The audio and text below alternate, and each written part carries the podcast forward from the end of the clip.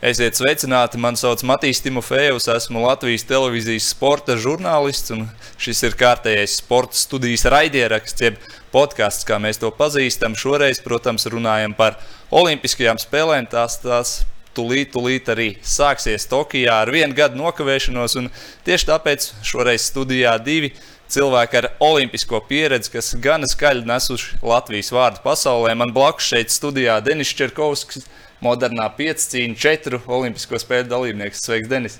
Labdien! Jā, un uh, attālināti mums pieslēgusies arī Ieva Zunda, 400 metru barjeras skrejēja Olimpiskajās spēlēs, ikdienā arī citas disciplīnas pārstāvējusi. Bet Ievai divu olimpisko spēļu pieredze gan Atenas, gan pēc tam arī Pekina. Sveika, Ieva! Esiet sveicināti! Jā, un tieši par Olimpisko spēļu debiju. Es gribu sākt šo sarunu. Šis gads būs īpašs Tokijā. 24 Latvijas sportistiem būs debija Olimpiskajās spēlēs. Nospiedoši lielākajai daļai šīs būs pirmās Olimpiskās spēles, kas tāds iepriekš nav bijis. Vismaz es neatceros, ka tik daudz būtu debitantu no kopējā olimpiešu loka. Denis, kā tu atceries savu pirmo olimpiādi? Sidneja, Austrālija tālu, ļoti karsts varbūt bija, kaut gan tur laikam bija ziema. Kāda bija tā tava debija un kas tev pārsteidza visvairāk? Tad daudz kas pārsteidza. Labprāt, atceros, joprojām daudz ko atceros. Tas ir nu, tomēr tavas pir pirmās spēles, tas ir, ir pirmā klase skolā, tas ir pirmais kurs uh, augstskolā. Tas ir uh, pirmais nezinu, eksāmens kaut kur braukšanas skolā, mēģinot no, nokārtot eksāmenu. Un tā, karsts nav bijis. Vismaz es tā, man varbūt paveicās, es vispār pret karstumu diezgan tolerants. Nu, Easy un easy. Nu, ir, ir, ir un ir. Es atceros, mēs vienā sacensībās šaušanā bija 48 grādi šautavē. Nu, kā, tas tēmē... nebija Sidnejā, tas bija Nē, tas nebija Sidnejā, tas bija Itālijā. Tu tā kā tēmē, nu, toreiz bija tā lēna šaušana, tu tēmē un tad tev tā iekrīt iekšā un domā, vai no nu at, atlikt to šāvienu, jo nu, vēl bija toreiz iespēja atlikt šāvienu.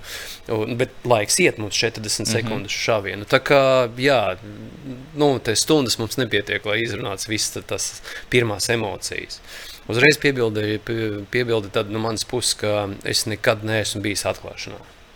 Nu, Nevienā no četrām reizēm. Bet visas četras reizes bija noslēgšanas ceremonijā. tā kā nu, katram savs. Jā. Mums, mūsu sporta veids vienmēr bija beigās. Līdz ar to nebija jēgas braukt tik laicīgi. Jā, jā, mums diezgan saulēcīgi es biju Sidnejā, gana saulēcīgi es biju arī Pekīnā. Nu, tas, protams, nebija tik. Nu, tā, tik vienkārši pieņemams lēmums, kad braukt, cik ilgi, jo ir jāturpina trenēties, ir jāatrod kaut kāds sparings. Un, nu, zināmas sarežģītības bija. O, tajā pašā Sidnejā es atceros par jāšanas treniņiem. Mēs baigi mocījāmies un meklējām tos zirgus, pieejamus zirgus. Un, no tā. tā kā daudz, daudz var atcerēties. Mm -hmm. Jā, Ieva, kā ar tevi? Tu nākamajā olimpiādē debi debitēji. Denisam tā bija Sidneja, tev tās bija Atēnas. Eiropa, tuvāks ceļojums, bet uh, Kāds bija tās tavas emocijas un kāds bija lielākais pārsteigums varbūt pirmajā olimpiādē? Jā, nu mans stāsts ir tāds, ka es, diemžēl, uz Sidnejas spēlēm netiku pēdējā brīdī. Es biju viena no kandidātēm, bet konkurence skrēja ātrāk. Un, tad, protams, kvalifikācija uz Atenas Olimpiskajām spēlēm bija tāds lielākais gandarījums notikums manā dzīvē. Nu, tiešām viens no sapņu piepildījumiem. Un, Un man liekas, ka es visas ovācijas un emocijas noteikti atstāju jau par to domu, vien, ka es kvalificējusies. Bet, Atšķirībā no Denisa, es biju atklāšanā, man tas bija mērķis un gribējās izbaudīt spēles no A līdz Z. Jā, vietlētika arī nesākās sākumā, līdz ar to man bija laiks gan patrenēties, gan um, pagatavoties startam, gan izturēt garo atklāšanas ceremoniju, kas ir uh, sešas stundas, ja nemaldos ar visu gatavošanos un braukšanu. Un skaidrs, ka tajā dienā nav treniņš vai viegls, jo viss enerģija tiek veltīta atklāšanai. Nu, tad noteikti sportistiem, kam starts ir sākumā, iesaku padomāt, vai atklāšana ir vajadzīga vai nē, jo ir jau noslēgums, kur atkal ar foršām emocijām ir izbaudīt. Bet Atēnas, protams, bija Nu, no A līdz Z es teiktu, es baudīju visu to atmosfēru, to top sportistu, pasaules līmeņa labāko sportistu satikšanu stadionā. Un, protams, arī milzīgais stress pašai no tā bija, ka jāstartē šajās sacensībās. Tas atņēma atkal savu, varbūt tādu labāko sniegumu. Jā, par to es arī gribu parunāt. Kas bija jums abiem tās kļūdas, ko jūs pieļāvāt? Tomēr pirmo reizi tik liels notikums jūsu sporta veidos, tas četrgadē pavisam noteikti ir galvenais fokus, uz ko jūs ejat. Dažs iet visu dzīvi uz to olimpisko startu, uz olimpisko debiju. Kas bija tās pirmās kļūdas? Nepareizs laiks, kad ierasties, stress, kā jūs atceraties, kas, kas bija tā kļūda, ko jūs pēc tam sapratāt, ka jā, to vajadzēja darīt citādāk. Nu, es laikam sākšu pirmais. Jā. Tad, tad mūsu sporta veids ir diezgan komplicēts, un ne visas kļūdas var uzreiz sataustīt un atpazīt. Un varbūt arī četru gadu gadumā, garumā pēc tam analizējot, kas tomēr ir noticis, kāpēc tieši tā sanāca vai tieši tā nesanāca. Tad plus pie visa ir eh, kaut kāda izloze jāšanā, tos, kurus eh, nu, uz ceturtām olimpiskajām spēlēm es cerēju, ka nu, vismaz ar jāšanu vajadzētu arī izloze palīdzēt. Nē, arī tas četras nepaveicās. Nu, es uzskatu, ka jā, nu, tā mm. objektīvi, jo mums katrs, katrs zirgs tiek Uh, nu, pārstāvēt sacensībās uh, divas reizes. Divi jātnieki, jā, ir vienu zirgu. Līdz ar to tu vari novērtēt to savu sniegumu un pēc tam paskatīties, tad ir, kurš ir jāies un ko viņš ir parādījis. Nu, teiksim, manējais tās satēnās, es jāju pirmais toreiz to, ar to zirgu un uh, izjāju ar septiņiem gāstiem. Otrs dalībnieks jāja olimpiskais čempions Atlantā. Aleksandrs Parīgins no Kazahstānas. Toreiz Tatēnās viņš pārstāvēja Austrāliju. Un, nu, viņš redzēja, kādas kļūdas mēs pieļāvām. Viņš varēja tos labot. Līdz ar to, ja viņš ir olimpiskais čempions, tad nepavēlti viņš tur ir bijis. Ir rādītājs, bija zināšanas, plus viņš vēl pie, pieredzējošāks bija par mani. Viņam, nu, es domāju, 30 gadi bija točna tajā brīdī. Un viņš izjāja tikpat slikti. Tas liecina par to, ka tomēr zirga izloze nebija tā veiksmīgāka. Nu, teiksim tā. Līdz ar to, atgriežoties pie tiem jautājumiem, nu, es atceros, ka divā, divas reizes no četrām es uh, gulēju slikti. Divas reizes no četrām es gulēju labi. Teiksim, pirms Olimpiskām spēlēm, pirms starta, tiešā Atēnu startā es ļoti izgulējies. Pirms Sidnejas, pirms Sidnejas sacensībām es neizgulējos vispār. Jā, kur Toreiz, bija tā nianses, ko tu varēji nianse, atkal nianses ir ļoti daudz. Varbūt vajadzēja paņemt kaut kādas e, miega zāles, vieglas vai nomierinošas zāles. To nu, pieredze nebija pašam, neko tu kā nevienam neuzbāzies, neviens tev arī neuzbāzās. neuzbāžās. E, nu, Tā kā nu, sanāca, kā, jā, sanāca, kā sanāca. Treneriem varbūt arī mazāk pieredze bija. Es teiktu, ka pirms Atēnām es ne, ne, arī nekādas uh, miega zāles vai nomierinošas nelietoju, vismaz tik daudz, cik es atceros. Nu, tad vēl mums sanāca, diemžēl, es negribu te baigi vainot, bet nu, toreiz Igors Vihrovs ieņem pirmo vietu.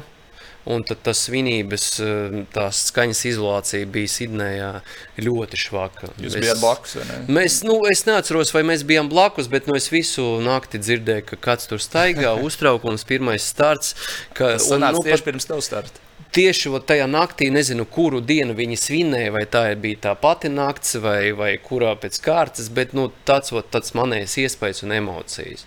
Nu, kas eh, varbūt es tāpat neaizmīgtu. Es, kā jau teicu, es nevaru vainot, bet nu, tas ir tas, ko es joprojām 20 gadi pagāju, es joprojām atceros. Nu, kāpēc man tā ir izdevies? Pekīnā atkal bija kaut kāds cits satraukums. Nezinu, kāpēc. Varbūt vajadzēja jau parādīt to, ka rekurs snieguma ceturtais jau ir bijis, nu, vajag nostartēt vēl labāk. Un tad nu, Londonā arī varbūt kaut kas ir cits bijis, bet nu, tur es cik es atceros, nu, es varu teikt, apgalvot, ka es esmu izgulējies pirms Londonas sacensībām, nu, pirms starta. Mm -hmm. Tā kā, nu, tā, bet viennozīmīgi, nu, pieraksti tik daudz nav, lai varētu pateikt, ka rekur, tas tieši ir trūcis, vai tas ir viena diena, kadreiz eh, ir pa daudz, viena kad, diena, kadreiz ir pa daudz, pa maz. Nu, -hmm. Tas tā baigi var spriedolēt un spriedolēt. Un, nu, tas, kas šķiet man pieņemami, tas otram būs nepieņemams. Jā, nu katrs ir individuāls. Ar tevi, Denis, vairāk miegam pieskārās šim nu, faktoram. Kaut kā tā sanāca, jā, kaut ko tā, tā, tā, tā pirmā emocija, kas tad, nu, es, nu, miegs tas ir tiešais, kas mūs tomēr atjauno, un miega laikā mēs tiešām atjaunojamies. Koncentrācijas pēc tam spējas tev ir atkarīgs no tā, nu kā, nu, ir visiem zināms. Notusēt, ļoti, ļoti svarīgs faktors. No, notusēta nakts, un nākamajā dienā tu tā kā piedalies treniņu procesā, bet, nu, tā kvalitāte nav tā mhm. labāka. Mm. Jā, jau Denis, kā jau minējām, miegam pieskārās. Ko tu izcelt? Pirmais olimpiskais starts, debija. kas bija tās tavas kļūdas, ko tu varbūt citiem var ieteikt. Par to ir īpaši jāpiedomā.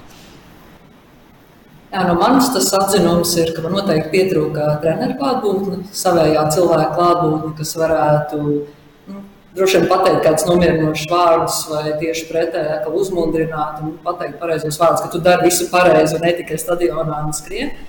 Um, Nu, jā, nu, līdzīgi kā Denis minēja, tas pieredzes trūkums, ka reizēm aiziet pajautāt vai no ārsta vai kādam citam no personāla, ka nu, es esmu atzīta, ka es esmu uztraukusies. Iedodiet vai nu miegas zāles vai, vai nu, nezinu, kāda masāža, relaksējoša. Nu, ka likās, ka, ka jātiek pašam vairāk galā. Es līdz šim visu sasniegusi pati apmēram, man tagad arī jāizdara. To es noteikti ieteiktu jaunajiem, nebaidieties aiziet pajautāt atbalstu un uh, pastāstīt, kā tu jūties. Zinu, ka arī komandā šim ir bijis. Tas ir viens no.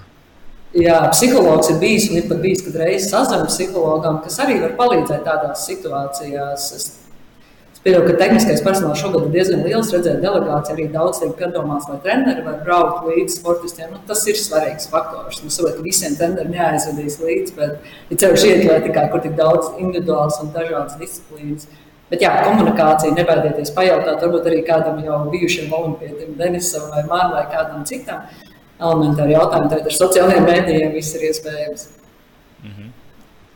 Jā, jūs abi psiholoģijai pieskārāties, bet uh, varbūt ir kaut kas no praktiskām lietām, kas olimpiādē atšķirās. Nu, ikdienā jūs braucat uz sacensībām, tur ir tikai modernā pieciņa vai tikai viegla atlētika, bet tur tas ir mazliet citādāk. Nu, Kā, arī... Kas atšķir olimpiādu no ikdienas startiem, kas jāņem vērā? Atkal būtu, būšu varbūt nedaudz cīnisks, bet um, pa lielam atšķir nosaukums. Un nosaukums uh, ietekmē gan tevi kā sportistu, gan treneri, kā treneri, jo pasaules čempionātā viņš ir viens treneris. Visticamāk, Olimpiskajās spēlēs viņ, nu, viņš jau treneris, kurš ir ticis un aizvedis tevi līdz Olimpiskajām spēlēm. Cits status, cita atbildība, cita prasība. Nu, tā es atceros, tur nu, atkal nepa, nepariešu uz personībām, nu, tā, bet jautāju, nu, ko personisku rekordu parādīs. Nu, modernajā pieciņā nevajag parādīt rekordus, lai tu ierindotos labā pozīcijā. Te vienkārši jānostartē priekš sevis katrā veidā labi, un tu jau būsi top 6. Nu, tā var teikt, nu, pēc manis. Ja viss veids izdodas, tad ir. Nu, tā kā ot, man, at, es atkal negribu baigi daudz stāstīt, bet nu, pirms Atēnām, jā, darbs ar psihoterapeitu, tad eh, kāds mērķis? Nu, tur tiks, tiks sešniekā rehabilitēties. Pirmais bija tikšana, labi tiki, ko tālāk, ko tu gribi. Sēžamnieks, ok, objektīvi. Tu varētu tur būt, varētu būt. Jā, kas ir jāizdara? Lai tu tiktu, ir jāparāda tāda un tāda rezultāta. Un sanāca, atkal, nu, gribās ātrāk to izstāstīt.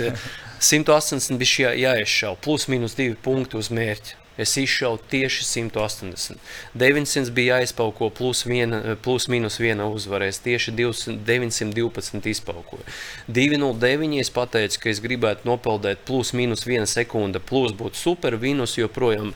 Uh, Ber, cik es nopeldēju? Nu, es nejautāšu, te, te nav nekāds konkurss. 209, 0. 0,1 nu, desmitdaļās. Tā kā par jāšanu, diemžēl, kā es visiem stāstu, es nepa, nepametu tas domas uz augšu, jo, nu, jā, nu kaut vai bija jāpadomā, lai tiek tas labs zirgs, nu, pieņemsim, jā, tā ir viena man, no manām kļūdām, ko es varbūt varētu sev pārmest, ko es neizdarīju, nu, nepadomāju.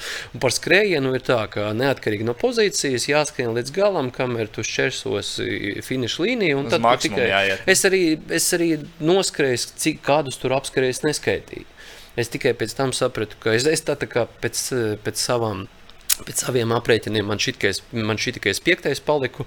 Pēc tam man saka, nē, tu esi ceturtais palicis. Nu, vēl jau labāk. Nu, tas ir tāds manējs stāsts. Mm -hmm. Jā. īsumā. Un tas ir ļoti maziņš, maziņš starts no. Ļoti no interesanti, ka tev bija tāds precīzs plāns. Tu tur ar treneru, ar psihoterapeitu? Ar psihoterapeitu, jā, ar Dācis Eikinu toreiz es strādāju. Nu, nebija tā kā man mēs tikamies eh, katru dienu, bet nu, diezgan konkrēts. Es vispār nekautrējos no šāda veida palīdzības un sadarbības. Es uzskatu, ka, ja ir iespēja, nu varbūt tagad tur um, jaun, jaunajiem sportistiem, kur pārstāvēs nu, Latvijas komanda pirmajās spēlēs, pirmo reizi Olimpiskajās olimpiskajās spēlēs, nu, jau cik tā ir palicis, baigi neko nevar izmainīt. Tomēr nu, tur jābūt zināmai sadarbībai, kā arī ar treneri ir jāatrod sava valoda. Tas ir ar... ilgstošs process. Jā, es teiktu, kaut vai, nu, ja ir pārliecība, ka varbūt tas tomēr palīdzēs, ja kāpēc nē. Nu, ir, На войне все способы хороши, tāds teiciens, ka nezinu, kā pārtulkot. Jā, jau ko tu vari teikt par tādiem praktiskajām, praktiskām lietām, kas varbūt Dimanta līga vai citas lielas sacensības, un te pēkšņi ir olimpiāda. Tur noteikti ir nianses, kas atšķirās, vai ne? Nu, es teiktu, ka nē, ka vieglatlētikā stadions ir tas pats, skrejceļš tāds pats, sektori vairāk vai mazāk tāpats. Mēs visi sportisti, vismaz vieglatlēti, zinām, ka vējš var mainīties, ja kurā stadionā būtu atšķirīgs augstums, karstums, tas pats, tam vienmēr jābūt gatavam. Un tieši tas, ties, es pilnībā piekrītu Denisam, ka tā ir vairāk tā mūsu uztvere un sabiedrības uztvere, arī mēdīju uztvere vispār jau radīts, ka Olimpiskās spēles ir kaut kas īpašs, un tās arī ir, jo notiek ļoti reiz reti, un ir medaļai vai tam sasniegumam Olimpiskajās spēlēs ir augstāka nozīme. Bet no izpildījuma viedokļa sportistam ir jāizdara tikai un vienīgi savs darbs. Mēs to varam izdarīt gan pasaules čempionātā, Eiropas čempionātā vai Dimanta līgā, kā tu minēji, Dimanta līgas sacensībās Olimpiskajās spēlēs. Stadionus vai citu laukumu jau neizmērās. Kā es atkal nu, sanāk atgriezties pie psiholoģijas, kā mēs tiekam ar to galā. Un tas, ko man arī agrāk sportisti ir ieteikuši, nu, spēt izbaudīt to atmosfēru un tieši otrādi priecāties. Nevis no tā baidīties, bet priecāties par atmosfēru. Nu, šoreiz varbūt skatītājiem būs mazāk tribīnēs vai visam maz, bet atcerēties, ka mājās ir atbalstītāji. Un kā atbalstītājiem mēs neesam parādā, bet tieši pretēji viņi atbalsta mūs, jo viņi grib mūs atbalstīt, viņi vēl mums labu un mācīt to enerģiju, izmantot uh, savā labā. Un nekas nenotiks, ja mums neizdosies tieši pretēji. Jo, ja mūs atbalsta, mūs atbalstīs līdz galam. To mēs domāju, daudz sportistu esam pārliecinājušies. Jā, tā ir lieta, kas bieži vien Latvijas sportistiem ir pietrūkusi. Jā, sezonas laikā sportists ir labāko trīs vidū lielajās sacensībās, e, pasaules kausos vai dimanta līgā, kā nu kurā sporta veidā. Bet tad aizbrauc uz olimpiādi, čiks viens sanāk, un tad saka, nu jā, psiholoģiski es nebiju gatavs. Nu, tā ir bijusi liela problēma, ne? Es nezinu, kā jums ir bijis ar šo, vai tas ir patraucējis, bet kā ar to cīnīties? Vai, vai jums tagad jau pēc karjeras ir izstrādājies modelis, kā ar to strādāt? Mēs jau pieskārāmies šeit psihologam, bet varbūt tas ir ilgstošākā procesā. Pašam ar to jātiek galā ar treneri, psihologu. Kā, kā ar to nu, tas ir, galā, tas Latvijas ir viennozīmīgi ilgstošs eh, darbs gan pašam ar sevi, gan ar treneri, gan lielai komandai, gan tai pašai federācijai. Jo federācijai arī ir jāparāda rezultāts. Nav rezultāts cits finansējums, ir rezultāts atkal cits finansējums. Viņi pēkšņi arī grib no tevis kaut ko tur paspiest vairāk. Bet ir jāatcerās, ka nu, tu esi tas pats, kas ir bijis tik, tikko pasaules čempionātā. Teiksim, nu man, jā, es uzskatu, ka tas manējais rezultāts, 4. vieta Olimpiskajās spēlēs, ir labākais sasniegums eh, karjerā. Nu, tad es biju jā, pa, piektais pasaules čempionātā, individuāli startējot, nu, nerunājot par, juni, par jauniešiem vai junioriem, mm. otrais Eiropas čempionātā. Un tā, jā, tur tā pasaules kausa mums reti, bet nu, tāpat tās ir izdevies uzvarēt. Bet, uh, nu, mēs skatāmies, analizējam un cīnāmies. Katrs galvenokārt cīnās pats ar sevi. Jo ātrāk mēs to cilvēku saprotam, jo ātrāk tam var pievērst uzmanību. Es domāju, startam, topošajām startām Olimpiskajās spēlēs un eh, jāsāk koncentrēties uz to. Bet, kā mēs zinām, bieži vien līdz galam ir iespēja Dažos sporta veidos, dažos ir noslēgusies atlase, dažos joprojām ir vaļā. Līdz ar to mēs koncentrējamies uz to, lai izpildītu normatīvu, lai parādītu rezultātu. Un tikai tad ir iespēja koncentrēties uz olimpisko startu. Nu, te ir tāda ļoti, ļoti plaša un šaura dakša, kurā nu, var iegrābties viens un viens scenārijs, vienas recepts nu, noteikti nav. Nē, nu, un atkal katrs sports ir ļoti individuāls un atšķir, atšķir, atšķirīgs. Mm -hmm, jā. nu, tā. Un vainot, es gribēju bišķiņu aizstāvēt mūsu sportistus. Es nedomāju, mēs vienkārši dar, nu, sadarbojamies ar mūsu sportistiem. Bet es domāju, ka citās valstīs notiek, notiek pilnīgi tas pats. Protams, Varbūt jā. procentuāli unikāli, jā, mēs neesam ne ar ko unikāli. Bišķiņi gribētos pārmest uh, kolēģiem taviem, ka jā, nu, manējais sporta veids ir tāds samērā pieticīgs un mazāk pamanāms. Līdz ar to četru gadu griezumā ar mani neviens īsti nekomunicē nekomunicē, nekomunicē, Pēkšņi tur olimpiādes. atlasījies, un tad katram vajag no tevis dabūt interviju. Diemžēl atkal ne, nesaukšu vārdos, bet uh, tika piefiksēts, kā nu, atbrauc kāds uh, žurnālists, tad, nu, viņš pat, nu, man šķiet, ka nebija tikpat, kad sagatavojas, tu pastāsti, kas tur pa sporta veidiem tavā modernā pieciņā. Nu, pieredze, mana personīga pieredze, kuru es esmu pārdzīvojis Skumji nevienu dzirdēt, jā. reizi. Nu tā. Varbūt tas bija tāds ievads, varbūt, bet man ir aizdomas, atkal negribu vainot uzreiz, nu tā, lai, lai tur tagad. Um, Nesauksim vārdus, Jā, jā ne? nesauksim. Nē, nē, nē. nē, nē nu, nu, tas ir tāds atkal emocijas, godīgas, tīras emocijas. Nu, manējais plus gan mīnus, ka es esmu godīgs cilvēks. Es, es saku to, ko es Un arī emocionāls. Tā skaitā, protams, jā, jā, jā. jā, es esmu ļoti emocionāls. Ja internetā var paskatīties bildes no paukošanas, nu, kas ir emocionāls sports. Protams, pēc katra šāvienā tu nebļausi, ka tu trāpīji desmitniekā vai devītniekā, vai nu neārdīsies, ja gadījumā nesanāca labs šāviens. Tam nav laika, bet nu, pa lielam, jā, katru, katru uzvaru paukošanā es esmu diezgan emocionāli atdevis un cerams, ka arī ieguvis eh, nu, kaut kādu enerģiju no tā. Kaut vai īpaši es nebiju koncentrējies, o, ka tagad man ir jāiebļauj. Tā bļaušana bija tāda pati. Tas ir pati, dabiski, vai ne? Jā, jā, pati no sevis izrāvās, nu tā izrāvās. Jā, man patīk tas, ko Ieva tu pieminēji, ka nu, stadions jau ir tas pats, sektors ir tas pats, celiņš ir tas pats, vai ne?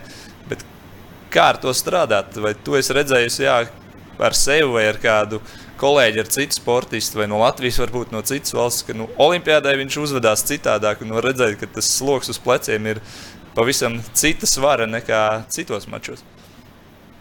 Jā, man gribētos pilnībā piekrist Denisam, ko viņš jau minēja. Faktors, ka psiholoģisko sagatavotību, domāšanu un darbu. Un, uh, un tas nenotiek tikai ar mums, latviešiem. Mēs par tiem zinām, un tā kā es arī esmu komentējis uh, pasaules čempionāts un olimpiskās spēles. Mēs redzam, ka tiešām pasaules līderi, sezonas līderi vairāku gadu garumā tieši Olimpiskajās spēlēs un kādreiz arī pasaules čempionātā pieļauj mazu kļūdu un pat netiek pie medaļas. Tā kā, nu, tā, tā kā viens ir fiziskā sagatavotība, tad arī psiholoģiskā sagatavotība ļoti liela nozīme. Un, līdzīgi kā Denis, arī es esmu strādājis ar Olimpiskās vienības psihoterapeitu Dācu Eikenu, ļoti palīdzējusi, un es to arī iesaku citiem sportistiem. Un Man ļoti patīk tas piemērs, ko Denis minēja, kā viņš startē Olimpiskajās spēlēs, ar izvirzot precīzus mērķus. Un tā īstenībā ir mana pēdējā laika atziņa. Tu dzīvē sev izvirzi mērķus, gan dzīvē, gan arī sportā. Tu to sasniedz. Tikai vajag ticēt sev. Un man noteikti dzīvē, tagad aizvien vairāk tas ir noticis, kad ārpus sporta man liekas, jā, es būtu to zinājis pirms 10 vai 20 gadiem. Es būtu, protams, priecīgi. Bet, nu, tad, protams, jaunībā ir citas lietas. Tad ir nu, kā tā maksimālisma spēja darīt un darba spējas. Bet, nu, jā, atgriežoties pie tā pati psiholoģija. Uh, vēl viena lieta, protams, Latvijā ir konkurences trūkums. Cik es arī nu, nevienmēr vēl tajos laikos daudz tiku, tomēr uz sacensībām ārpus Latvijas un startējot vietējā mēroga sacensībās, nu, nav tās konkurences, un tev rodas pilnīgi citas sajūtas. Un tagad, tikko skatoties kaut vai Amerikas vai Lielbritānijas uh, nacionālās atlases uz Olimpiskajām spēlēm, vietlaitikā tieši. Nu, tur redz, kāda tur ir milzīga konkurence, cik tie sportisti ir gatavi un cik viņi spēj tieši arī šiem fināliem sakoncentrēties un startēt. Pieņemsim, kas vietlaitikā ir. Nu, tev ir vai nu trīs reizes jāiziet uz skrejcienu, vai divreiz, lai cīnītos par finālu vai medaļu. Un tas atkal mums jau nav Latvijā. Latvijas čempionātos nav vairāk kārt jā, jāsacenšas ar kādu. Un, un, tas ir pieredzes trūkums, un līdz ar to arī tas skar tā psiholoģiskā sagatavotība. Jā. Jā, tas praktiskais padoms, ko mēs varam iedot, varbūt kādam nodara tiešām kā Denis gadījumā. Precīzi, ļoti precīzi mērķi katrā O- disciplīnā. objektīvi. Vai... Protams, objektīvi ir jāskatās. Nu, jā, es nezinu, augstlēkšanā, nu, tur cik pasaules rekords man šķiet, ka ir 2,48. Tad eh, nu, nevajag tādus mērķus nostādīt. Jā, apzinās, ko tu esi jā, jā, spējīgs. nu, jāapzinās, nu, jā, tā, tā, tāpēc arī saku, mums arī pasaules, pasaules teiksim, ā, rekords bija šaušanās pirms Olimpiskām spēlēm. Mm, 185. Man šī, es runāju par olimpisko rekordu. Jā, mm -hmm. nu, es mm -hmm. sev nostādīju mērķi izšaut 180. Nu, iepriekšējās sacensībās es biju sašāvis 174. Tā kā, nu, man bija mazliet mērķis, augstāk. Jā, jā, mazliet augstāk. Es zināju, ka es to varu. Es zināju to, protams, tendenci apmēram, cik ātri es tur gāju. Atkal pirms Pekīna es biju pazaudējis to šaušanu, un man bija ļoti paveicies. Es um, dabūju kontaktu un sadarbu, biju sadarbojies ar Afanāsiju Kuzmīnu. Un pa pusgadu mēs sakārtojam manu šaušanu, atpa, at, nu, salikam pa plaukteņiem, kas ir trūcis. un Pēkšņi uz tieši uz Olimpiskajām spēlēm es parādīju labāko rezultātu sezonā. Nu tā, tas man, manējais, laikam, nebija personāla bez sacensībās, nu, bet Olimpiskajās spēlēs viennozīmīgi tas bija manējais personāla. Un 184 bija labāk, labākais sniegums Olimpiskajās spēlēs. Nu, pēc tam vienkārši mums šaušana mainījusies. Tā kā Jā, laikam to, ko mēs arī varētu ieteikt, tas ir tas psiholoģiski. Vienalga, vai nu darbs ar psihoterapeitu, ar psihologu, vai ar kādu cilvēku, kuram var uzticēties, ar kuru var izrunāt, izrunāties, tas varētu būt treneris uz treneri. Diemžēl arī nevienmēr var paļauties, jo, kā jau teicu, minēju, ka viņi arī cilvēki un arī streso. Un ir dzirdēti piemēri, kad nu, Varbūt kādu no malas, kas nav tik dziļi, ja, Viņi, viņš ir jāizvāc no tā sportista, lai nečakarē prātu. Nu, tā var teikt. Diemžēl. Nu, pieredze ir dažāda. Bet, mm -hmm. jā. Jā, vēl viena praktiska lieta - aklimatizācija. Abi esat bijuši Olimpijādēs gan Eiropā, gan ārpus Eiropā. Eiropas arī Pekinā, kas ir Āzijā, un tagad ir Tokija. Kā ar to tikt galā? Kas tur ir jāņem eh, vērā? Daudz sportisti ir tādi, kuri jau to ir darījuši, kas ir braukuši vairāk kārtas sacensībām uz vienu krastu, uz Ameriku vai uz Āziju, bet varbūt ir daži vai kāds, kuram pirmā reize dodoties uz Āziju, laika starpība, karstums. eh, Kā bija jūsu pieredze pirmo reizi dodoties uz Āziju vai uz kādu citu valsti, kur ir liela laika starpība un citas izmaiņas, lai aklimatizētos? Kas ir tās nianses, kas jāņem vērā? Nu, jā, es laikam sākšu arī pirmais, š, lai nepārtrauktu secību. un, nu, ar Sidneju 12 stundas, 12 man šķiet, ka nebija, bet varētu būt arī 12. Precīzi nepateikšu. sanākt, Bet, nu, kāds 12 dienas iepriekš mēs aizlidojam uz, uz Sidneju, ja es nemaldos. Tad pirms Atēnā mēs izvēlējos atbraukt uz sacensībām, lai neiekultos tajā olimpiskajā stresā un burzmā tikai divas dienas pirms. Uz trešo dienu man bija starts. Eiropa, viena, viena līnija uz leju. Mēs esam vienmēr vienā laika joslā, tā kā viss bija skaidrs.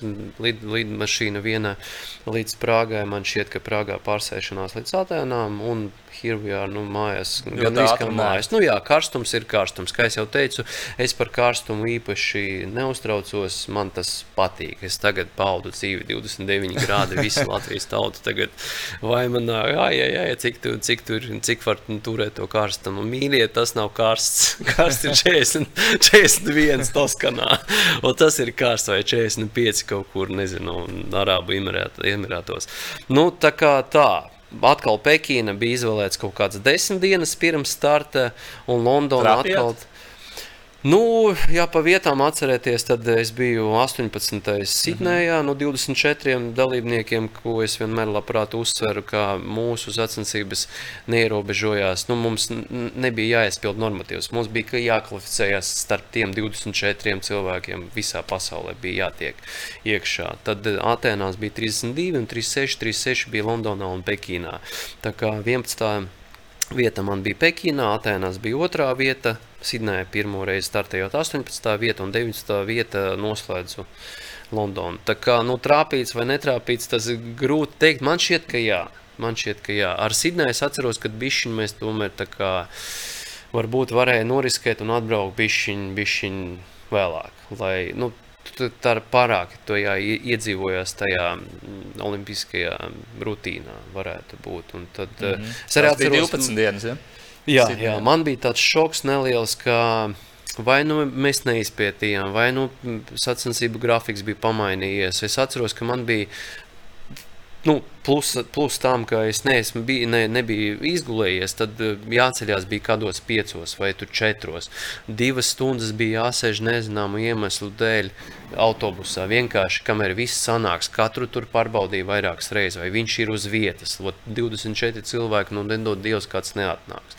Nu, tādu atvest ar taksi vai vēl ko. Nu, tā, tā, tāds sacensību reglaments, tā sagatavošanas fāze bija ļoti gara. Nu, tu jau izbēsies tajā autobusā gaidot vienkārši divas stundas. Nu, tiešām man šķiet, ka bija divas, ja ne vairāk. Nu, priekš kam?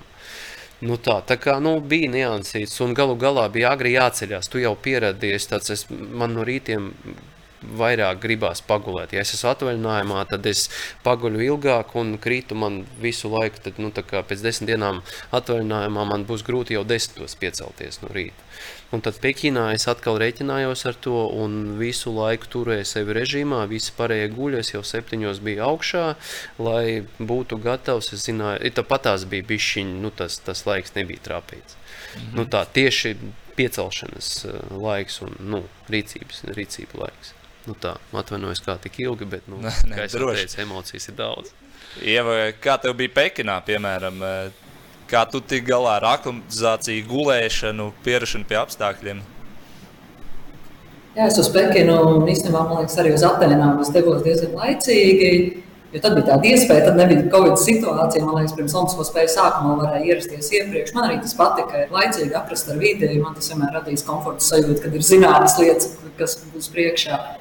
Bet jāatzīst par aklimatizāciju, nu, tas tādas lielas problēmas nesagādāja. Katram sportistam, protams, ceļojot pāri okeānam vai tālākajos uz vienā virzienā uz austrumiem vai rietumiem, tik daudz stundas, ir jārēķinās ar to, ka kāda diena būs tā grūtākā diena. Un, tā kā es arī studēju Amerikā, un es piecus gadus braukāju šurp turp, gan Ziemassvētkos, atbraucu uz Latviju, gan vasarā. Gadā man bija četri šādi ceļojumi. Tas bija, es jau biju apmēram sapratusi, kā tas ir, kurā dienā ir tā grūtākā diena. Uh, tas ir ļoti, ļoti individuāli. Tā kā Denis saka, tu nezini, nu, tev jāceļo regulāri vienā virzienā, lai tu saprastu, ka jā, tev trešajā dienā būs tā grūtākā diena tieši Pekinā vai Tokijā vai Amerikas Savienotajās valstīs. Bet uh, tas, ko es vēl gribu piebilst, ka jā, tas ritms ir svarīgs. Bet tā mana atkal tāda dzīves gudrība, jeb atziņa laika gaitā, uh, ir mazāk pievērst uzmanību šīm procedūrām un šīm lietām un domāt, ka tas izsit no ritma. Jo īstenībā jau neizsit no ritma. Mēs esam ļoti sagatavojušies startam un fiziski spēcīgi. Un mēs varam labi nostartēt, bet tiklīdz mēs pieļaujam šīs domas, jā, divas stundas autobusā, mums arī ir viegli iesildīšanās reizēm tur stadionā, tur atzīmēšanās, tad tev ved uz lielo stadionu, tad tur ielaiž kaut kādā pazemes tunelī, tu sēdi mazā telpā ar konkurentiem saspiest, nav kur liekas uztaisīt nevienu kāpinājumu, kā tu vispār skriesi bez simtprocentīgas sagatavošanās, kā tas vienmēr pieredzes. Un, un tas īstenībā man liekas atņem enerģiju un neļauj koncentrēties uz tam galvenajam uzdevumam, bet tu esi fiziski sagatavojies un startam. Es teiktu, mēs jebkuros laikapstākļos un nakts apstākļos varētu piecelties un, un parādīt diezgan labu, labāko sniegumu, kā mēs esam gatavojušies daudzus gadus. Neļaujiet ņemt to vērā. Tā ir tā mana pieredze. Savukārt, startējot Amerikas studentu čempionātos, tur vispār nekad nav šos laika sarakstu, cik sāksies disciplīna, ir secība, pēc kuras. Un tad es atceros, ka es rēķināju, ka pirms 400 metru barjerām ir 200 metru skrējiens vīriešiem, tur ir 15 skrējieni, tad es apmēram izreikināju, ap cikiem tie skrējieni varētu beigties. Kad man jāsagatavojas startam, man bija tā, ka es uz startam esmu gatavojusies 10 minūtes, pēc tam pēkšņi izrādās, tie skrējieni ir mazāk. Vai tieši pretēji kaut kas ir ieilgs, tur uznāca negaiss pa vidu sacensības pārtrauc, un tu jau trešo piegājienu gatavojies startam. Un tad es sapratu, ka var startēt jau kādos apstākļos. Tā kā jaunie sportisti neietekmēties no blakus lietām, vienkārši dariet savu lietu ko arī piebildu iepriekšējā, ka mēs īstenībā esam pats sev galvenais konkurents. Ja mēs izdarām savu darbu, tad mēs esam tur, kur mēs esam. Jā. Ja mēs sākam ietekmēt uz citiem faktoriem, tad tas mums arī neļauj izdarīt to savu darbu augstākajā kvalitātē. Jā, vienu papildus faktoru gan es gribu pieminēt. Es jau vairākas reizes iestarpināju karstums. Denisam skaidrs, ka tas patīk, bet nesen runāju ar Gatu Čakšu. Viņš teica, tagad jāizmanto šīs karstās dienas, kad Latvijā bija mazliet pār 30 grādiem. Viņš saka, jā, es tagad speciāli trenēšos tajos laikos, kad Olimpijādē ir treniņi un Olimpijādē ir starti, lai pierastu pie tā karstuma. Un kā tas ir ikdienā to darīt? Ja tavā gadījumā Pekinā noteikti arī bija karsts, apmēram tajos pašos laikos eh, notika Olimpiskās spēles. Eh, var tam sagatavoties, mēģināt trenēties tieši karstākajā dienas laikā vai kādas citas tādas paņēmienas izmantot? Nu, man šoreiz atkal jāpiekrīt Denisam, jo es esmu tāds pats cilvēks kā Denis. Es beidzot baudu vasaras, baudu dzīvi, jo ir ārā 29 grādi. Es arī startēju 38 grādos, jāatzīst, tad ir pagrūti. Jā, jo vienkārši gribās visu laiku dzert. Bet nu, man nekad nav karstums pārsteigts. Man ir otra problēma. Jāstartē augstos laika apstākļos, tad ir, tad ir daudz grūtāk. Tiešām es esmu ļoti, ļoti, ļoti saulīga. Jā. Man pat tagad ēnā salst. Vai tam var sagatavoties? Nu, droši vien, ka var. Es domāju, organisms pierod pie visa. Gan karstiem laikapstākļiem var sagatavoties. Es domāju, ka šķērpšana, kā Gatis minēja, nav tā grūtākā disciplīna, kas salīdzinām ar maratonu, kur tev visu laiku ir jābūt varbūt, saulē. Tiešām tur ir liels dehidrācijas problēmas, iespējamība. Noteikti jau sporta ārsti, kas būs delegācijā, izstāstīs, kā to tikt galā. Daudz lietot šķidrumu, visparastākā, vienkāršākā formula. Protams, lieka neusturēties tajā saulē tieši tiešos saules staros. Jā. Jā, man gribās tādu piebildi pielikt klāt, ka ne visi to zina, bet nu, varbūt arī ne visi tagad uzticēsies. Bet nu, bieži vien mēs zinām, kā lidojot, nu, kā pamst, rokas, kājas un tā. Manējais izskaidrojums ir ļoti vienkārši. Izskaidrojums tam ir tas, ka organisms pēkšņi tiek uzmests tur divi ar pusi. Ja mēs ieslēgsim pulksteni, tad tur būs divi ar pusi, divi ar pusi kilometri augstums. Mm -hmm. nu, tā kā ķermenis pēkšņi atrodas 2,5 km ar skābekļa daudzums, skābekļa spiedienu. Retināts, viss ķermenis to jūt. Un ja mēs nedzeram, tad skaidrs, loģiski, loģiski seko signāls aizturēt ūdeni, tāpēc mēs piepamstam. Es priekš sevis atradu vienu lietu, dzert vairāk pirms lido, lidojuma, lidmašīnā nekautrēties. Es nekad nesēdu, man nepatīk sēdēt kaut vai uz ilgo lidojumu. Varētu būt arī tī, cita taktika pieņemta. Es vienmēr sēdēju ailē un tad uh, dzēru un čurāju, čurāju un dzēru, dzēru un čurāju, čurāju un dzēru. Viss. Un nekad tu neatlido piepampis. Nu, tā ir tāda man, mana pieredze. Papildus jebkurā arī laika aklimatizācijai viens no tāds, viens, viens no, vienkāršie, no vienkāršiem ieteikumiem, vienkārši lietojam, tieksim, vairāk šķīdrumu.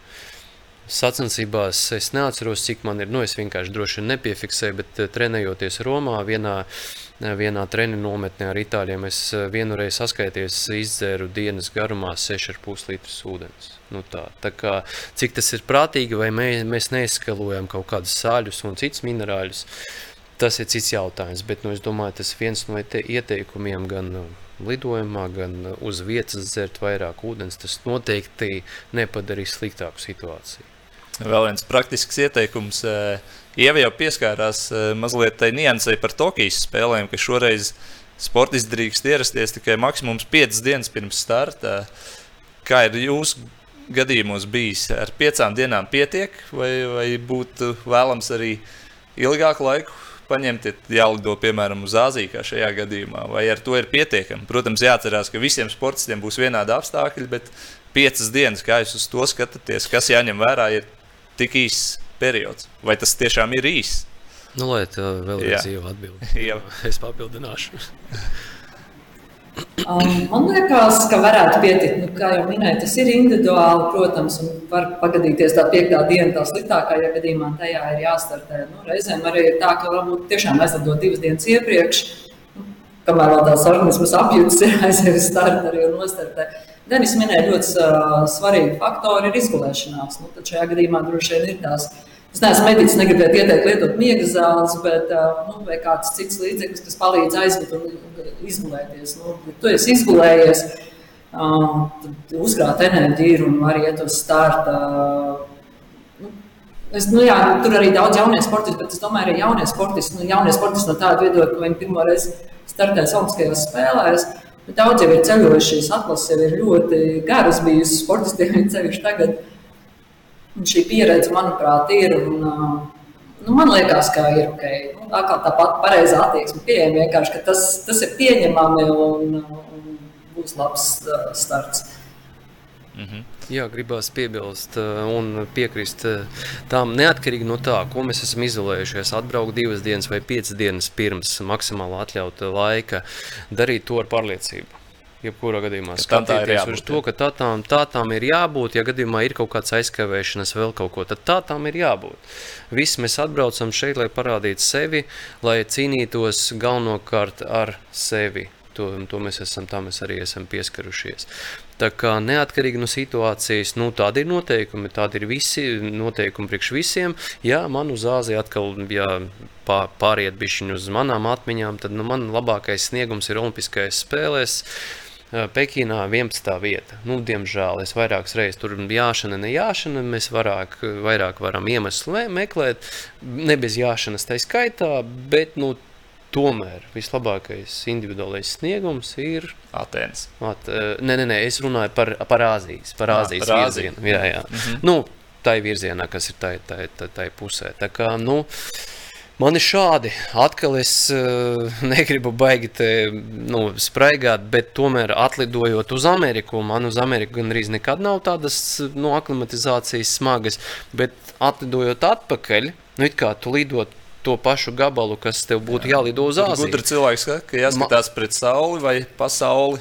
Nu, tas, vot, tas, tas arī ir. Neskatoties ne uz ko, atlidojot atpakaļ uz Latviju, man atkal nav nekādas aklimatizācijas. Tā kā varbūt tas ir tikai nu, šeit, manā gadījumā, ko es neesmu atklājis.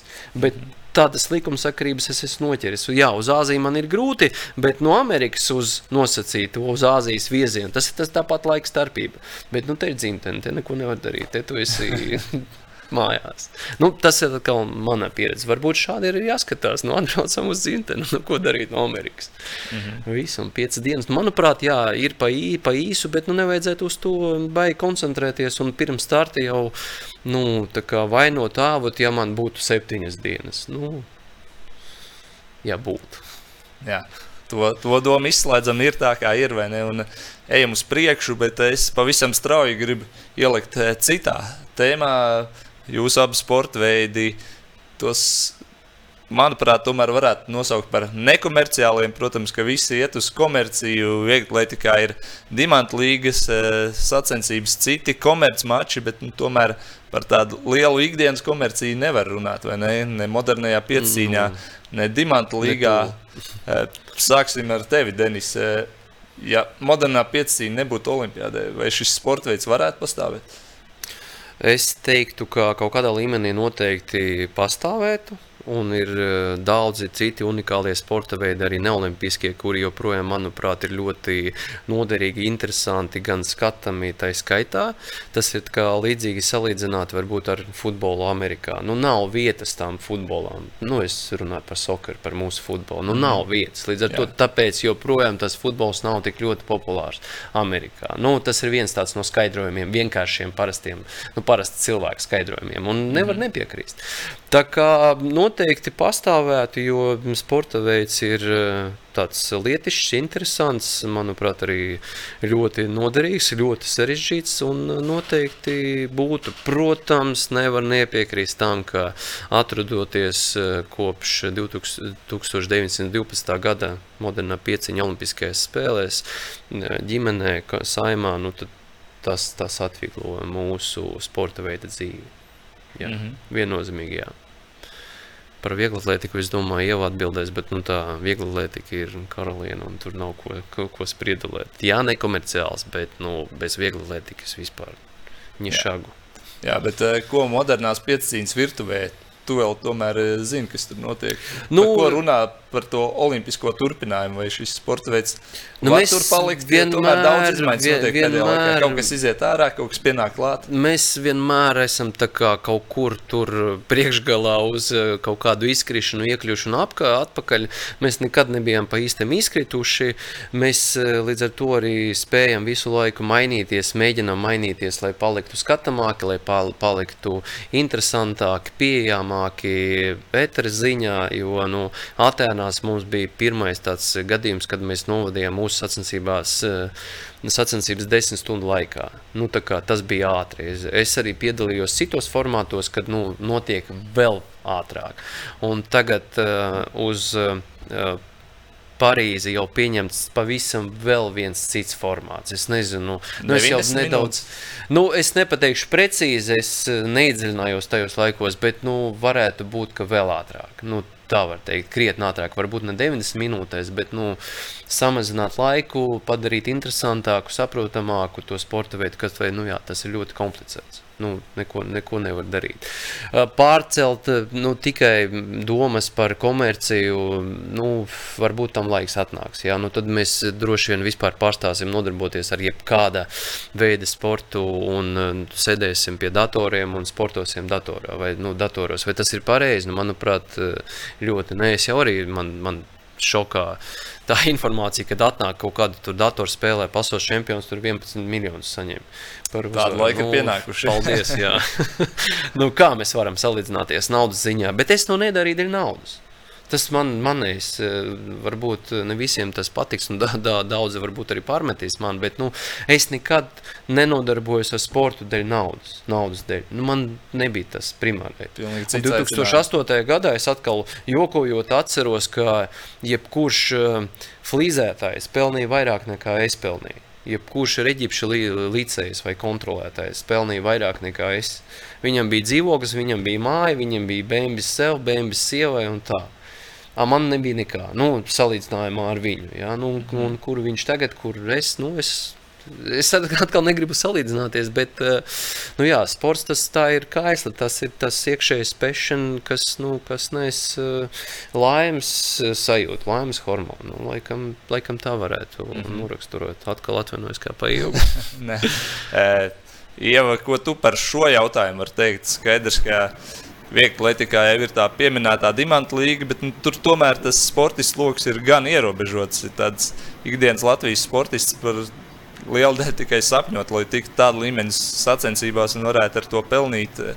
Kā tu skaties vieglatlētikas virzienā šajā sakarā? Skaidrs, ka vieglatlētika vienmēr būs tas sporta pamats, bet nu, tomēr kā, kā izdzīvot sportam, kā nopelnīt, pabarot sevi, treneru ģimeni. Jā, bez vietlētikas, un, ja pareizāk sakot, bez karalienes nekāda, tas skaidrs, tā, tā vienmēr būs, un tas ir pamatu pamats par komerciju un izdzīvošanu. Tas, ko Denis saka, jā, mēs jau to visu sākam darīt, aiz prieka, aiz kustības prieka. Man vienkārši patīk visu laiku kustēties. Es gāju sētā, es nezinu, ko darīju ar puišiem futbola spēlē, vienkārši skrēju pa mežu, pa stadionu, un, un man prieks, ka mani ģimene atbalstīja, un tad jau tie sasniegumu, panākumu bija tas dzinums, tas laimes hormons, eh, ko arī Denis minēja, ka, kāpēc mēs sportojam. Protams, ka nu, kaut kādā brīdī pienāk tas mirklis, kad ir jāizvēlās. Arī man vecāki pateica, kāpēc es aizbraucu uz Ameriku. Jo studējot Latvijā, man nebija nekāds atbalsts. Es biju jā, Latvijas labākā skrejēja, bet nu, tas arī viss. Es varbūt nebiju tik ātri Olimpiskajā vienībā, arī tāpēc man ienākumu nebija. Un tad man bija iespēja braukt uz Ameriku, kuras ieguva ne tikai izglītību, bet arī stipendiju, kas nodrošināja man arī dzīvošanas izmaksas. Ko tur ieteikt? Es pat nezinu, tā, tā, tā dzīve ir. Nu, vienā vietā tu pelni vairāk, vienā mazāk. Nu, tas tāpat sportā nu, ir komerciālāk sporta veidi. Nu, tas jau neliedz varbūt arī man, nezinu, iet uz sieviešu basketbolu, sieviešu futbolu vai tenisu, ja, kur pelnu tiešām var nopelnīt, bet nu, tur arī konkurence visur viņi ir. Uh, nu, protams, gribētos, lai tā komercija būtu un viegli, lai tikai Eiropā ir ļoti diezgan populāra un komercija ir, jā, tas pagaidām tikai top līmeņa sportistiem, bet nu, cerams, ka varbūt uzņēmējs ir vairāk novērtējis un atbalstījis, bet es domāju, ka jā, tas pamats, ka mēs to darām, tāpēc, ka mums tas patīk. Nu, tas ir darbs, tas ir hobijs. Nu, arī es vienā brīdī apvienoju darbu ar, ar sportošanu. Mēģināju abās vietās nopelnīt. Tas bija grūti. Ciet abas, protams, puses, gan darba vieta, gan profesionālā izaugsme. Jā, kā saka, tā tas dzīvē ir. Un arī, diemžēl, kā mēs redzam, nevienmēr ārsti vai medmāsas vai skolotāji ar augstāko izglītību nopelna pietiekami kā varbūt kā Denis salīdzināja ar kādiem citu profesiju pārstāvjiem. Vienkārši jāatcer, ka pašai sporta veidam jāstrādā uz to, uz popularitāti, lai piesaistītu sponsors. Jā, tu ļoti svarīgai tēmai pieskāries, par ko mēs arī šeit sporta studijā esam runājuši. Studijas, augstākā izglītība. Jums abiem ir augstākā izglītība. Ievais pat visu neuzskaitīšu. Tur Latvijas Universitāte, Amerika, arī Francijā. Augstākā izglītība vienā sfērā ir iegūta. Denis, tev arī ārzemēs ir augstākā izglītība Ukrajinā, pēc Jā, tam arī Latvijā. Ukrainā, tad Latvijā es tomēr no, nu, nolēmu nobazēties, jo Ukrainas izglītība droši vien ne visiem tā ļoti patiktu, kā Francijas izglītība. Līdz ar to man bija atkal pa savam priekš sevis jāre, jā, nu, jārehabilitējās, ka rekur, nu, ir maģis, pēc tam es vēl dabūju. Um, pamācīties eh, ar lielāko prieku īstenībā doktorantūrā, bet nu, tad, kad bija jāurbjās iekšā, nu, tad es padevos. Eh, par sponsorēšanu, jā, privātais sponsors, diemžēl, man nekad nav bijis, bet eh, es nevaru nepie, nepieminēt Latvijas armiju Nacionālas bruņotas spēkus, kuru, kurās es esmu ticis 99. gadā obligātajā dienestā, tad, lai tiktu pēc tam uh, uz kaut kādas eh, nu, finansiāla atbalsta. Tas bija nu, federācijas eh, pārstāvja mani uzrunāja, ka reku, nu, tas ir diezgan stabils ienākums. Un gadījumā, ja kaut kas, nu, tad varētu tur arī palikt. Un, kad, nu, tā, nu, tā, tā nu ir sanācis, ka kā sportists, kā profesionāls sportists, es tur esmu aizķēries uz ļoti ilgāku laiku. Un varbūt pats ne, nedomāju par to. Bet nu, ne bez šāda veida atbalsta, nu, kas ir pieciņa ir cēlusies no militārās. Tas pieciņas, ir būtībā militārs, jā, sporta, veids, militārs sporta veids. Tiešām ir ar, ar saknēm no no turienes. Un, nu, tā, nu, tā viņš ir, tā viņš ir bijis. Bez šāda veida atbalsta bez Latvijas armijas es droši vien kolcētos uz savām pirmajām olimpiskām spēlēm un tad meklēt laimi kaut kur vai nu citā valstī vai nu citā, citā, citā sfērā. Bet tas nu, šķiet ir vienīgais, kā jūs sporta veids mūsu, pastāvēt, mūsu gadījumā. Arī Pāvels Švecovs, kas tagad brauks vien, arī ir armijā. Viennozīmīgi, jā, un savulaik mēs bijām tādā krietni plašākā programmā, savulaik arī viegli lieti bija ļoti daudz armijā, peldētāji bija ļoti daudz armijā, tie paši komandas sporta veidi. Tad eh, atnāca krīze 2009. gadā, visus tā kā bišķiņi samazināja, nevis bišķiņi, bet eh, ļoti samazināja. Man bija izdevies eh, palikt un es tur metājos starp vienībām, lai man būtu iespēja sportot, un paldies par šo atbalstu, par šo iespēju, ka man bija tāda iespēja sportot un pastāvēt savu valsti.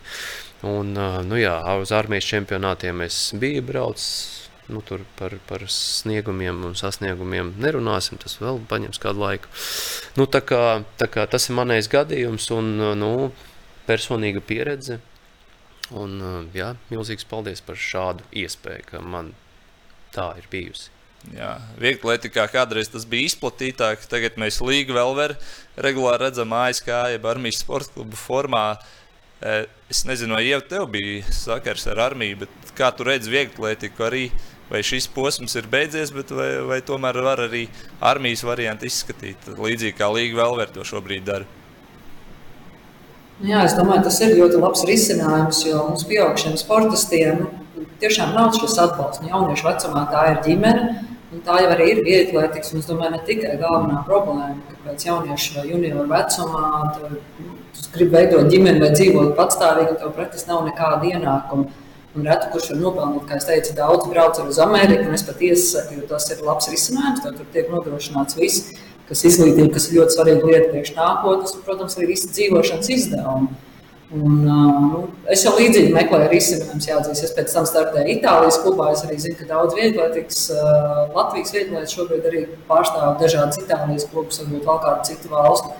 Un, tur tomēr šis atbalsts ir, kas pamatā ir balstīts droši vien no futbola ienākumiem gūts, bet tomēr viņi arī atbalsta citus sporta veidus. Un, Un sportistiem tiek nodrošināts šis finansējums. Latvijā praktiski nav Olimpiskā vienība, jā, kas ir augsta līmeņa sportistiem. Visi uzreiz ielec šajā augstajā elites kategorijā un spēj kvalificēties valsts atbalstam. Arī es tikai vienu gadu biju Olimpiskajā vienībā. Kaut gan nu, izlasē, es esmu pārstāvējis ļoti daudz gadus. Man Olimpiskās vienības personāls ļoti daudz palīdzējis. To es nevienu brīdi, to es varu būt tikai pateicīga. Kur daudz man cilvēki palīdzējuši, sākot jau tiešām ar ģimeni, ar vecākiem. Un gan Vietlietas Savienība meklējusi risinājumus. Es neilgu brīdi arī iekšlietu sistēmā skaitījos kā sportists.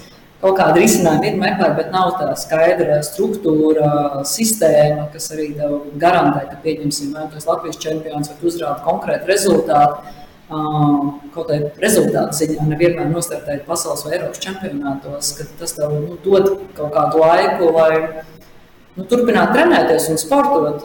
Es kaut kā no vieglaitiem var minēt Māru Urtāni, ja, kurš jau tikpat kā bija beidzis sportot, tad viņš bija treneris Gailīšu Murjānos, tomēr dzīvojot kopmītnē. Es nezinu, cik precīzi viņam toreiz bija gadi, bet jau pieaugušā vecumā, upurējot sevi, dzīvojot kopmītnēs, uzrādījuši augstvērtīgo rezultātu. Kā mēs zinām, tagad tā ir trešā vieta Eiropas čempionātā. Un tikai tad jau saņem atbalstu pēc šī sasnieguma. Līdz tam eh, tas ceļš ir tāls ejams, un es pat teiktu, reizēm diezgan dārgs, sevišķi dažiem sporta veidiem. Jā, mums ir jādomā pie tā, kā ir. Jā, jā kā ir, es gribēju teikt, kā ir koristiem un aktieriem. Jā, koristiem, aktieriem, māksliniekiem, baletējotājiem ir šis atbalsts, bet sportistiem oficiāli īstenībā nav no valsts sistēmas, ka tiek maksāt algas. Ir nu, ļoti teiktu, mazs procents no tā kaut kāda skaita, kas brauc uz olimpiādu no sporta veidiem. Tikai, tikai tiek atbalstīti. Es, protams, aicinātu Izglītības zinātnes ministriju valdību izvērtēt šo situāciju un atbalstīt vairāk sportistus. Tad arī būtu šī konkurence lielāka noteikti iekšienē, arī lielāka iespējamība, lielāka delegācija iesaistīt uz Olimpiskajām spēlēm. Jā, par delegācijas izmēru es tieši arī gribu uh, paturpināt. Uh, modernajā piecīņā šobrīd Pāvils Švecovs runājot, viņš saka, nu, es esmu palicis vienīgais šajā sporta veidā. Kādreiz bija mazliet lielāka masveidība. Atceramies, kad tu startēji, bija arī Ieļena Rubļevska, mūsu olimpiskā medaļniece. Kā saglabāt vispār šo sporta veidu Latvijā? Tavuprāt, ja Pāvils šobrīd ir vienīgais, viņš saka, jā, es 70% laika trenējos ārzemēs. Latvijā īsti iespēja nav, kleistos bāzi ir, bet nu, tur īsti tā augstā līmenī nevar to apvienot. Sparinga partneri arī man nav, man jābrauc uz Šveici, uz citām valstīm trenēties. Tu redzi, esot arī piecīņas federācijā, valdē, kā uzturēt šo sporta veidu, lai viņš izdzīvo vismaz Latvijā, un tad jau varētu runāt arī par attīstību. Nu, īsumā es pateikšu tā, īsti es eh, neredzu iespēju, kā to, diez, diezgan daudz ir uh, pazaudēts. Nu, man ir savas, protams, emocijas un ambīcijas, ko es labprāt darītu, bet nu, šeit jābūt ļoti lielam un nopietnam darbam, ieskaitot uh, ļoti labu komandas eh, darbu. Un, eh, nu, pagaidām, nezinu. Nezinu, man, man šķiet, ka. Sadarbība ar armiju, kā jau mēs minējām. Nu, tā skaitā, nu, kā jau teicu, savulaik mēs bijām, ka pieci vai seši piecīnieki. Tagad jau nav ko īsti arī piedāvāt tai armijai, ja arī būtu nu, tāda Nu, ot, ko mēs paņemsim? Es gribēju pateikt, ka tajā pašā Itālijā, teiksim, savulaik atbraucot, nu, man izveidojas kontakts. Nu, viņu jautāja, nu, cik tu struktūra vienībās jūs variet aizsūtīt savus sportistus. Nu, es teicu, nu, tikai armija. Viņiem, respektīvi, bija nu, tāda te, te, pol, policija, zemesardze, nezinu, militāra policija, robežsardze tur un tā tālāk. Un tā tālāk. Septiņas struktūra vienībās viņi varēja aizsūtīt savus sportistus. Peldēšanā kā sporta veids, viņi man teica, ka 14 struktūra vienībās. Mm viņi varēja aizsūtīt savus sportistus. Nu, un tad pēc tam, kā mēs varam ar viņiem konkurēt. Kaut vai es piebildīšu, kā no vīriešiem iepriekšējās Olimpiskajās spēlēs labākais sniegums bija piektā vieta Rio. Ricardo de Luca viņš tāds parādīja rezultātu. Un uh, uz šīm Olimpiskajām spēlēm nav ticis neviens itālis. Itāļu pārstāvis pārstāvis vīriešiem. Mums ir vienīgais. Jā, mēs esam pārstāvēti no 92. gada ieskaitot. 92. gads bija pirmais gads, kad um, Latvijas jā, izlases sportisti tikuši uz Olimpiskām spēlēm. Tad uh, katras Olimpiskas spēles modernā pieciena tika pārstāvēta. Mm -hmm. Jā, šī kā... līnija vēl nav pārtraukusi. Protams, vieglietika arī vienmēr ir bijusi pārstāvēta. Būtu jocīgi, ja būtu citādāk, bet, ja mēs par piemēru ņemam 2004. gadu, tad toreiz bija 17 vieglieti Latvijas eh, delegācijas sastāvā, kad arī jūs, eh, nevis jūs abi piedalījāties, bet Denis piedalījās, vai ne? Vai... Nē, nē, nē, nē, no Atēnas, Atēnas, jā, jā, Atēnās viss piedalās. Jā, jā. Set, jā 17 ir 17 viegli. dzirdēts un jā. visu cieņu. Tagad es, es pat nezinu. Šobrīd ir 5. 5. Kā, kā tu nesen... jau skaties uz šiem cipariem? Šobrīd, jā, kā jau sakam, ir 5 Latvijas vieglieti. Tur vēl daži arī gaida rindā, ja kāds nepiedalās, tad arī viņi var tikt. Bet, nu, Gana krasa ir šī atšķirība. Kādreiz tur Olimpiskajās spēlēs bija 17, un vismaz pār 10, šobrīd jau ir zem 10. Kā tu uz to skaties? Jā, normatīvi ir krietni gājuši uz augšu, bet vai tikai tā ir problēma, ka normatīvi ir augstāk palikuši, vai kā tu kopumā skaties šo situāciju? Jā, nu man liekas, ka šoreiz tieši Latvijas sportistiem varbūt ne tikai, bet cik es zinu par mūsu situāciju, tomēr Covid situācija nāca diezgan par sliktu un tieši mūsu valstī noteikti ierobežojumi. Jo tas saistīts ar to, ka Startautiskā vietas asociācija izmainīja kvalificēšanās veidu, kā kvalificēties. Tas vairs nav tikai normatīvs, kādreiz bija A un B normatīvs, un arī ar B normatīvu aizbraukt tagad tikai A, kas ir vēl augstāks kā kādreiz bija. Šī A normatīva nu, ļoti, ļoti augsta ar domu, ka normatīva kvalificējās maz sportisti, un pārējie kvalificējās pēc šiem reitingu punktiem. Un tā kā Latvijā nenotika sacensības un bija šie ceļošanas ierobežojumi, līdz ar to mūsu sportistiem vienkārši nebija iespēja piedalīties sacensībās. Elementāra lieta. Un, protams, arī citās Eiropas valstīs bija šie ierobežojumi. Bet kaut kā laikā mums starp valstīm ceļot bija grūtāk. Un, cik mēs redzam, mūsu sportisti ļoti, ļoti mazi startējuši. Tas es noteikti uzskatu, ka tas var būt iemesls, kas Guntai Vaičovai pietrūka. Nu, viņai gan varbūt ir cits iemesls, ka meitiņu tā ir viņas prioritāte. Bet arī puišiem šķērpmetējiem, kas gan, es domāju, gaidījums, varbūt pat Zigismunds Sirmais būtu varējis kvalificēties. Un, protams, Rolands Šobinders arī vēl gaidām, vai tiks vai netiks Olimpiskajām spēlēm. Nu, tā tur ir vēl vairāk. Arī Marks Ārens bija uz robežas, varbūt pat Rūta Kata Lasmaņa būtu. Nu, vairāk šīs sacensības, labi, startēja Amerikā, bet nu, nebija Eiropā sacensības, kur varētu startēt un nopelnīt šos reitingu punktus. Tā kā, nu, gribētos domāt, ka nav baigi daudz citu iemeslu, jo tiešām mums ļoti vairāk sportisti ir aizstrīdus, un es sākotnēji rēķināju, ka būs 12 sportisti, kas brauks Olimpiskajām spēlēm, kā minimums. Bet izskatās, jā, ka tomēr būs mazāk un zem šiem desmit. Jā, nobeigumā jums abiem jāprasa padoms, novēlējums Latvijas Olimpiskajai komandai. Jums abiem ir gan liela pieredze. Sarunas noslēgumā varbūt kāda ceļa vārdi Latvijas komandai dodoties uz Tokiju. Nu, neatkarīgi no situācijas, eh, nepateikšu neko jaunu.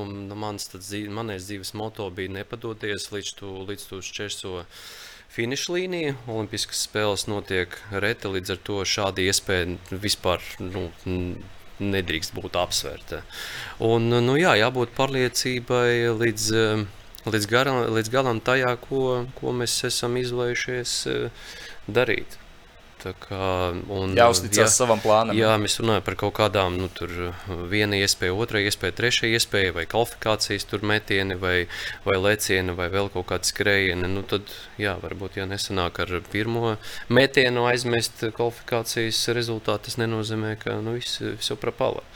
Tā kā tik uz priekšu veiksmi, veiksmi un pārliecība. Mm -hmm. Jā, jau ko tu nobeigumā vari novēlēt? Nu, es pateikšu tā, kā es, mēs arī šodien runājām par to, ka katram sportistam novēlu koncentrēties uz savu mērķi, izdarīt savu darbu, kam gatavojās, izvirzīt mērķi, koncentrēties uz to un arī to izpildīt. Un neļaut nekādam blakus faktoram to ietekmēt.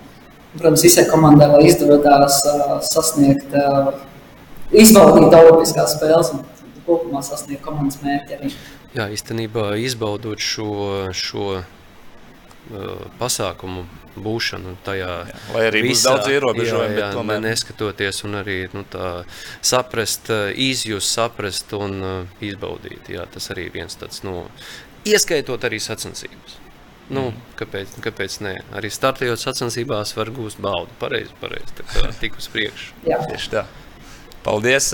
Novēlu es arī jums izbaudīt Olimpiskās spēles. Paldies, ka bijāt šajā sarunā, sporta studijas Paldies. podkāstā, raidierakstā. Jau bija prieks satikt. diemžēl, diemžēl neklātienē šoreiz. Ne? Jā, bet bija iespēja jā, parunāties tā skaitā.